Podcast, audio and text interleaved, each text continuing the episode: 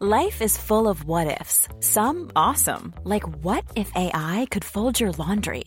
And some, well, less awesome, like what if you have unexpected medical costs?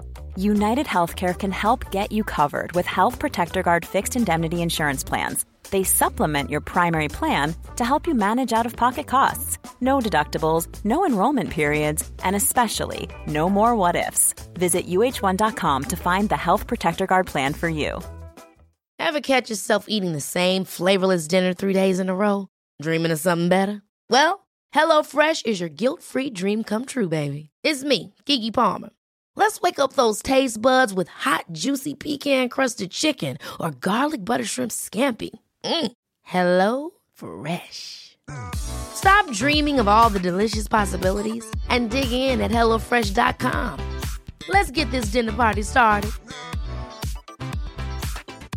Many of us have those stubborn pounds that seem impossible to lose, no matter how good we eat or how hard we work out. My solution is PlushCare.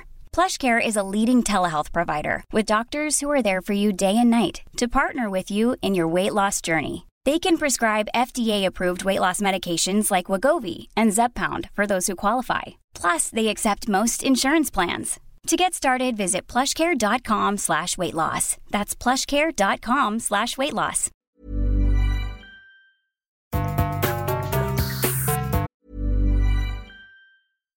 One size fits all seemed like a good idea for clothes Nice dress. Uh, it's a it's a t-shirt. until you tried it on. Same goes for your healthcare. That's why United Healthcare offers a variety of flexible, budget friendly coverage for medical, vision, dental, and more. So, whether you're between jobs, coming off a parent's plan, or even missed open enrollment, you can find the plan that fits you best. Find out more about United Healthcare coverage at uh1.com. That's uh1.com. Ryan Reynolds here from Mint Mobile. With the price of just about everything going up during inflation, we thought we'd bring our prices down. So to help us, we brought in a reverse auctioneer, which is apparently a thing. Mint Mobile unlimited premium wireless. Ready to get 30, 30, bit to get 30, bit to get 20, 20, 20, bit to get 20, 20, bit to get 15, 15, 15, 15 just 15 bucks a month. So, Give it a try at mintmobile.com slash switch. $45 upfront for three months plus taxes and fees. Promo for new customers for limited time. Unlimited more than 40 gigabytes per month. Slows. Full terms at mintmobile.com. Hiring for your small business? If you're not looking for professionals on LinkedIn, you're looking in the wrong place. That's like looking for your car keys in a fish tank. LinkedIn helps you hire professionals you can't find anywhere else, even those who aren't actively searching for a new job but might be open to the perfect role. In a given month, over 70% of LinkedIn users don't even visit other leading job sites. So start looking in the right place. With LinkedIn, you can hire professionals like a professional. Post your free job on linkedin.com slash people today.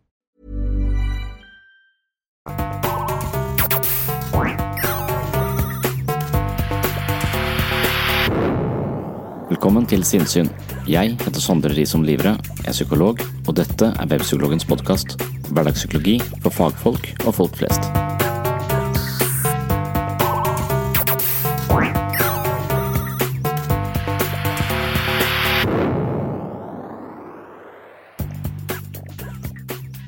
Jeg vil undersøke hvordan angst, stress og frykt driver forbrukermarkedet. Alt fra bilforsikring til treningsprogram, fra antioksidanter til koronavirus, selges med en viss appell til menneskers bekymring. Evolusjonsmessig sett lønner det seg å være på vakt. Hvis vi tar for lett på trusler, kan vi stryke med. Hvis vi legger merke til en bevegelse i periferien, er det bedre å anta at det er en sulten løve enn en busk som blafrer i vinden. Dermed reagerer vi med alarmberedskap for sikkerhets skyld. Når et nytt eh, influensavirus dukker opp, er det heller ikke helt unaturlig at vi reagerer med en viss bekymring og panikk. Men det finnes også en del faktorer som potensielt sett fyrer opp våre fryktreaksjoner til et unødvendig høyt nivå. Vi er opptatt av farer, og forbrukersamfunnet konkurrerer om vår oppmerksomhet. I så henseende er det lurt å lokke oss med trusler i passe porsjoner. Før vi går i gang med dagens episode, vil jeg gi en enormt stor takk til alle dere som har blitt Patron-supportere, eller meldt dere inn i Sinnsyns mentale helsestudio. Thank you! Deres bidrag gjør en stor forskjell, og jeg setter stor pris på det. Å drive denne podkasten er ganske ressurskrevende, både med hensyn til tid og økonomi, og deres bidrag sørger for at jeg kan fortsette arbeidet og jobbe med forbedringer både på kvalitet og kvantitet. Tusen hjertelig takk for det. For de som ikke har fått med seg at Sinnsyn og Webpsykologen har fått en Patron-konto, kan jeg kort eh, si at eh, de som finner verdi i denne podkasten, kan støtte prosjektet med en sum i måneden via en side som heter www.patrion.com for sinnssyn, altså patrion.com for sinnssyn. Ved å gi et eh, lite bidrag blir du også medlem av Sinnsyns mentale helsestudio og får en rekke fordeler. Blant annet vil du få en del episoder tidligere enn andre, du vil få fra 12 til 40 ekstra episoder i året, som regel mange flere episoder hver måned, og jeg kommer til å legge ut eh, videomateriell og lignende som en takk til alle dere som støtter podkasten. I tillegg skal jeg lage en episode hver måned hvor jeg presenterer en øvelse som jeg selv har hatt eh, nytte av, og en øvelse jeg mener kan være med på å styrke våre mentale evner og psykiske velbefinnende. Så heng deg på der. Men hvis du er en person som finner verdi her på sinnssyn, men har det økonomisk vanskelig, så vil jeg ikke at du skal betale noe som helst. Da skal du få episoder på ukentlig basis uten kostnader, akkurat slik som før. Eneste forskjell nå er at jeg bygger opp et bibliotek med ekstra episoder bak en betalingsmur for de som har muligheten til å gi et lite bidrag til videre drift av denne podkasten. Målet mitt er å lage et eh, lite samfunn som bidrar til driften av podkasten, slik at jeg på sikt kan prioritere mer tid og krefter til dette prosjektet. De som bidrar, vil med andre ord være med på å holde hjula i gang og sørge for at jeg får muligheten til å jobbe mer systematisk med både sinnssyn og webpsykologen. Tusen takk til alle dere som har meldt dere inn i klubben så langt, og velkommen til dere som kunne tenke dere et medlemskap i Sinnsyns mentale helsestudio. Nå går vi tilbake til episoden som skal handle om frykt. I dag er det koronaviruset som høster mye mediedekning og anstifter en del bekymring over hele verden. Jeg skal ikke utelukkende fokusere på influensa i denne episoden, men eh, salg av frykt mer generelt. I denne episoden skal jeg altså se på fryktbransjen. Jeg skal undersøke hvordan angst, stress og redsel driver forbrukermarkedet. Og som jeg sa innledningsvis, så kan man påstå at eh, alt fra bilforsikringer til medlemskap på treningssentre og antioksidanter og koronavirus eller svineinfluensa eller hva det måtte være, er solgt med en viss appell til menneskers bekymring. Frykt er rett og slett en veldig effektiv faktor for å kontrollere og påvirke forbrukertrender. Å skape frykt blant mennesker, og deretter tilby en frelsende løsning, er det beste og eldste salgstrikset som finnes. I dagens informasjonssamfunn foregår dette i et langt større tempo og i en langt større målestokk enn noensinne. Det nytter for eksempel ikke å bli politiker med kun optimisme og gode visjoner. Man må også spille på folks eh, frykt for å vinne deres oppmerksomhet og tillit. Folk føler seg rett og slett eh, forstått og til dels beroliget når man adresserer deres frykt og tar bekymringene på alvor. Frykt er egentlig en overlevelsesmekanisme, men ikke når den misbrukes. Frykt skaper stress, indre uro, høyt blodtrykk og nedsatt immunforsvar. I et slikt lys er det interessant å undersøke medias eh, skrekkinnslag om ulike typer influensapandemier og hva det faktisk gjør med folks helse. Mennesker er særdeles mottakelige for frykt. Frykt er en overlevelsesmekanisme som sørger for at vi tar nødvendige forhåndsregler i møte med farer. Media og massekommunikasjon sprer frykt raskere og mer effektivt enn noensinne, og det skaper altså et eskalerende marked med mange muligheter. Frykt blir også brukt som et redskap av politikere i mange sammenhenger. Ved å spille på frykt vinner man som regel mer oppmerksomhet fra velgerne. Å legge vekt på frykt er langt mer effektivt enn å fokusere på erfaring, kompetanse eller visjoner. Drew Western er en psykolog med særlig interesse for samfunnspsykologi og politikk. Innenfor politikk handler det om å vinne velgere, og Drew forteller at det er følelser som hat, håp, frykt eller angst som virkelig overtaler velgerne. Amerikanerne holdt ut åtte år med massiv spredning av frykt under president Bush. Deretter kom Obama på banen med optimisme og visjoner. Likevel var det ikke Obamas eh, optimisme alene som gjorde han så populær. Oppskriften i det politiske spillet er en god kombinasjon av fokus på frykt og samtidig peke på løsninger og muligheter. Optimisme alene vinner ikke et valg. Ren optimisme gjør at velgerne ikke føler at angsten deres blir forstått, skriver Sharon Begley i en artikkel for Newsweek. Bush sitt team brukte også masse språk og mange bilder for å fremkalle en grunnleggende frykt hos velgerne. Kampanjen fra 2004 brukte en annonse med en eh, angripende flokk av ulver for å illustrere motstandernes foreslåtte kutt i forsvarsbudsjettet og Amerikas sårbarhet for angrep utenfra. Bush brukte til og med Johnsons soppskykampanje for å generere støtte for krigen i 2003. Republikaneren Frank Luntz forklarer at nøkkelen til følelsesmessig språk ligger i klarhet og enkelhet. Hvis det krever at du må tenke, så er det mindre virkningsfullt. Bush er et godt eksempel på en president som virkelig har forstått denne enkle massepsykologien. Og det kan godt være at eh, Donald Trump har eh, forstått det enda bedre, Min hunch er at han ikke har forstått det, men at han bare er impulsiv og ubetenksom, og derfor eh, faller inn i denne mekanismene på en sånn heldig måte for seg selv og en uheldig måte for verdenspolitikken. Men det er nå så. Bush har eh, i alle fall eh, drevet en slags overskriftspolitikk, noe som man kan trygt si at Trump også har gjort, hvor enkle budskap har skapt nettopp det emosjonelle klimaet han trenger for eksempelvis å opprettholde en aggressiv utenrikspolitikk. Hjernebarken og frontallappene er i grove trekk sete for menneskers rasjonelle tankevirksomhet. Amygdala er en liten ansamling av hjerneceller som ligger lengre lenger nede i hjernen og stammer fra vår tidligste og mest primitive utvikling. Det er i de dypereliggende sentrene i hjernen at våre spontane overlevelsesmønstre er koda inn via tidligere erfaringer og genetiske disposisjoner. Ved tegn på fare reagerer disse sentrene umiddelbart uten å sende en forespørsel via vår fornuft eller refleksive bevissthet. Her handler man på refleks, noe som har sørget for overlevelse gjennom mange år. Disse emosjonelle kretskoblingene kan overdøve hjernebarken og dermed overdøve logikken. Josef Lodot er spesialist i nevrovitenskap og forklarer at mennesker som ikke var utstyrt med sterke fryktreaksjoner allerede fra tidlig alder, ikke ville overlevd lenge nok til å utvikle mer abstrakte og avanserte former for tankevirksomhet. Frykt utløser en øyeblikkelig og ikke-tenkende reaksjon i forhold til opplevde trusler. Ved å spille på frykt kan man altså få mennesker til å reagere uten å koble inn for mye kritisk og undersøkende tankevirksomhet. På denne måten kan man skaffe seg kontroll over mennesker. Innenfor religion har man i tusenvis av år misbrukt denne fryktmekanismen for å skaffe seg kontroll over folkegrupper. Ved å true mennesker med helvete og samtidig tilby dem frelse ved å følge visse regler og holdninger, har man etablert et effektivt system som holder et strengt oppsyn med menneskers anliggende.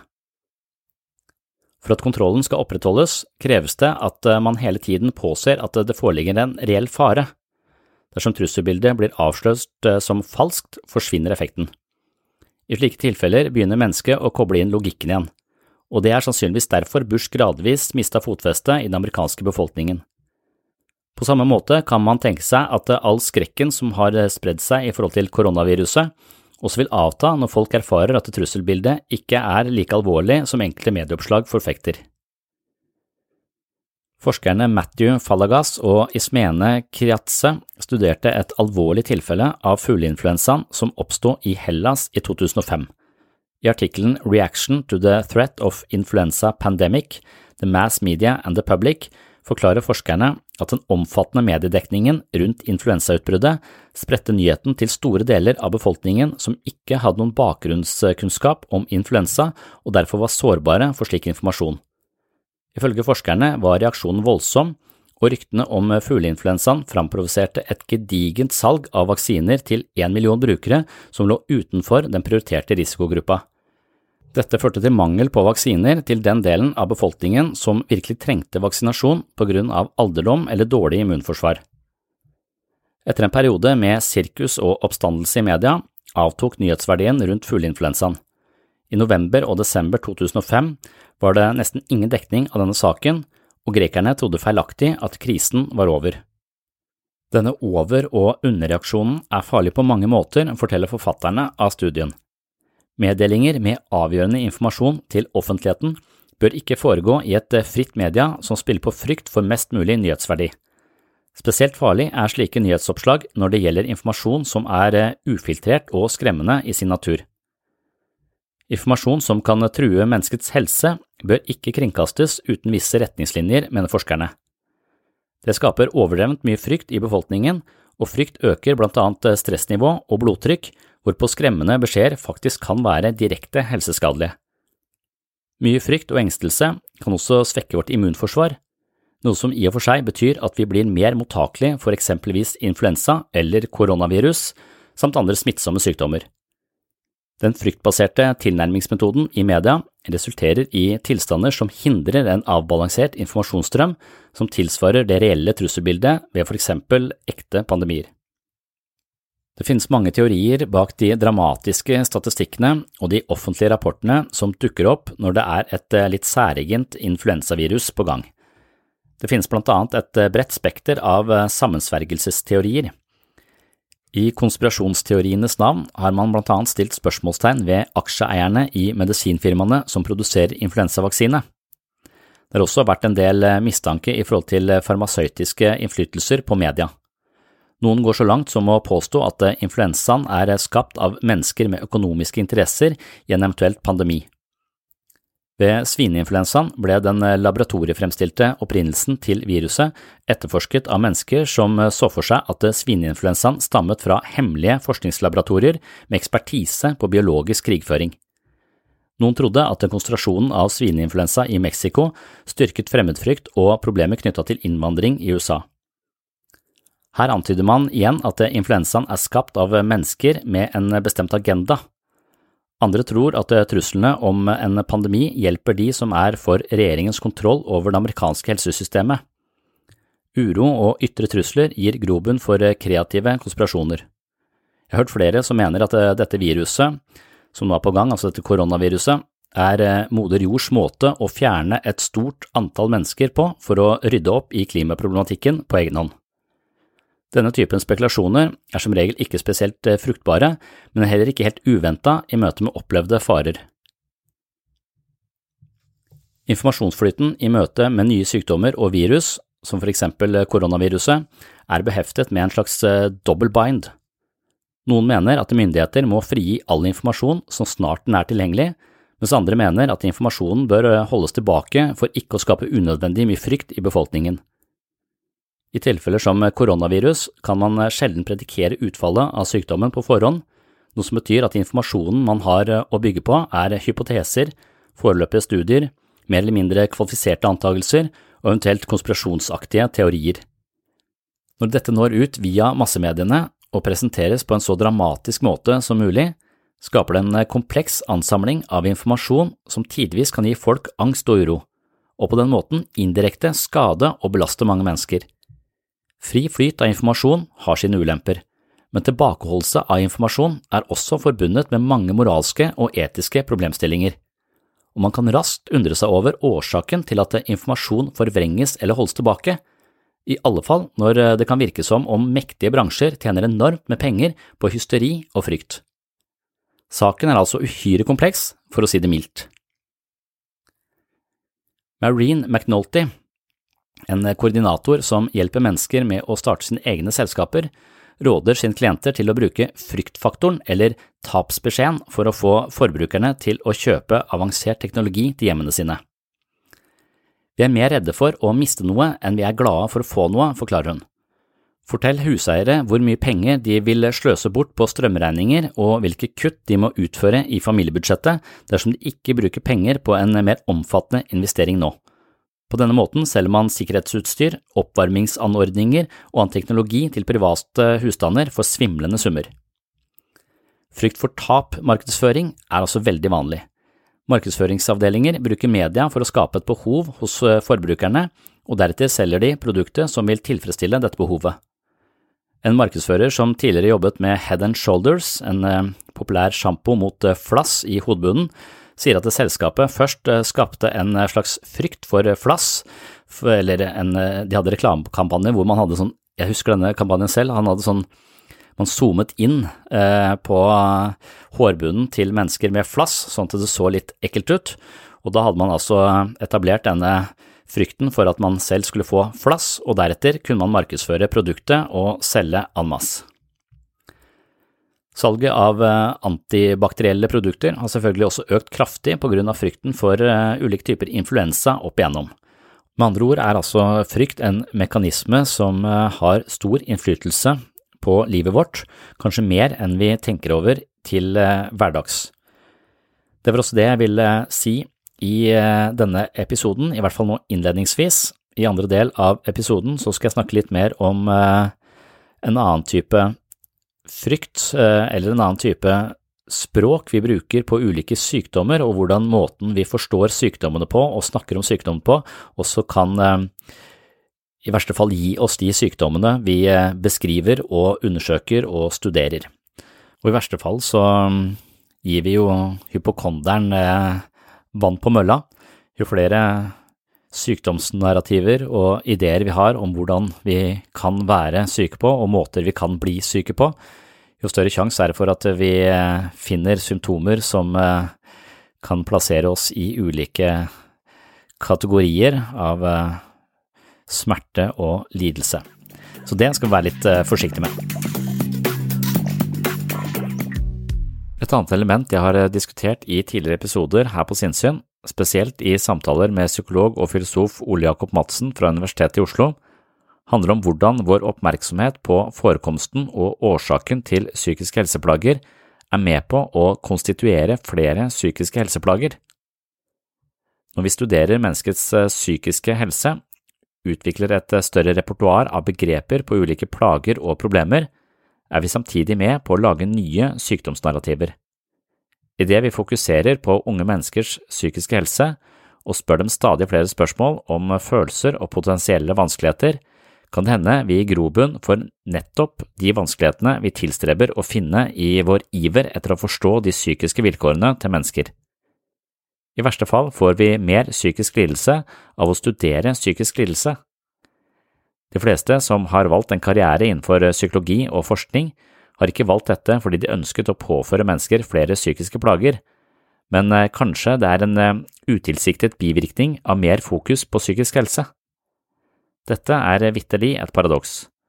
Vi ønsker å forske på mennesker for å forstå ulike mekanismer og muligens finne løsninger som avhjelper problemer men så viser det seg at denne geskjeften potensielt sett kan eh, konstruere lidelser, snarere enn å belyse og eventuelt kurere dem, noe som er et kraftig støt for baugen både for mennesker som vier sitt liv til helsearbeid og forskning.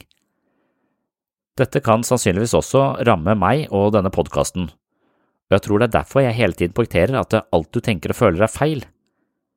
Vi må ikke låse oss fast til et sykdomsnarrativ som kjører livet vårt inn i et trangt spor. Det er livsfarlig, og sannsynligvis eh, ganske vanlig. Med andre ord er det kulturelle klimaet en viktig faktor som påvirker menneskers helse, og alle de foretakene som igjen påvirker kulturen og den allmenne oppfattelsen, har ofte en mer omseggripende innflytelse enn man kanskje skulle tro. I dag bruker for eksempel unge mennesker ofte et slags eh, psykiatrisk språk på sine hverdagslige opplevelser og erfaringer. I verste fall blir de fanget av eh, nocebo-lignende forbannelser når de sier ting som å angste eller være deppa. Hei, du har nå hørt starten på en av de eldre episodene her på Sinnsyn. Denne episoden, i sin fulle lengde, er nå lagt i arkivet. Hvis du ønsker å høre hele episoden, har du to alternativer. Du kan laste ned Sinnsyn-appen fra Google Play eller AppStore. I Sinnsyn-appen kan du gå inn på podkast og finne hele arkivet. Her ligger de 370 første episodene av Sinnsyn i sin fulle lengde og originale form, i tillegg til 40 bonusepisoder fra tidlig sinnssyn. Og disse arkivepisodene er til og med uten reklame fra tredjepart. Alternativ to, hvis ikke du vil bruke Sinnsyn-appen, er å gå inn på patron.com for segs sinnssyn. På Patron kan du finne en feed som inneholder alle de arkiverte episodene. Denne feeden kan du legge inn i din favoritt-podkastspiller, og vips har du tilgang til alle episodene fra Sinnsyn i perioden mellom juli 2016 og oktober 2022, altså seks år med Sinnsyn-episoder i sin fulle lengde uten reklame.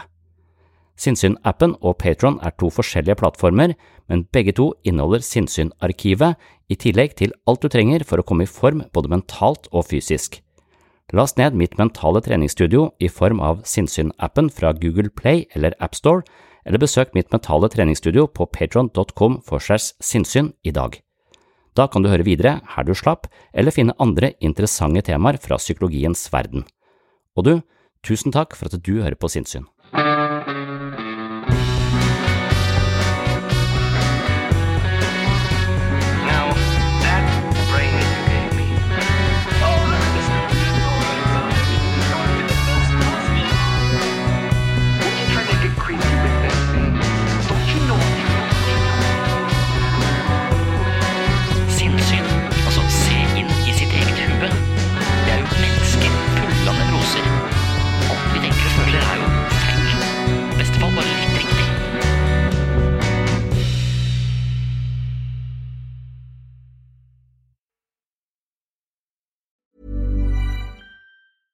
Hey, it's Paige DeSorbo from Giggly Squad. High quality fashion without the price tag. Say hello to Quince.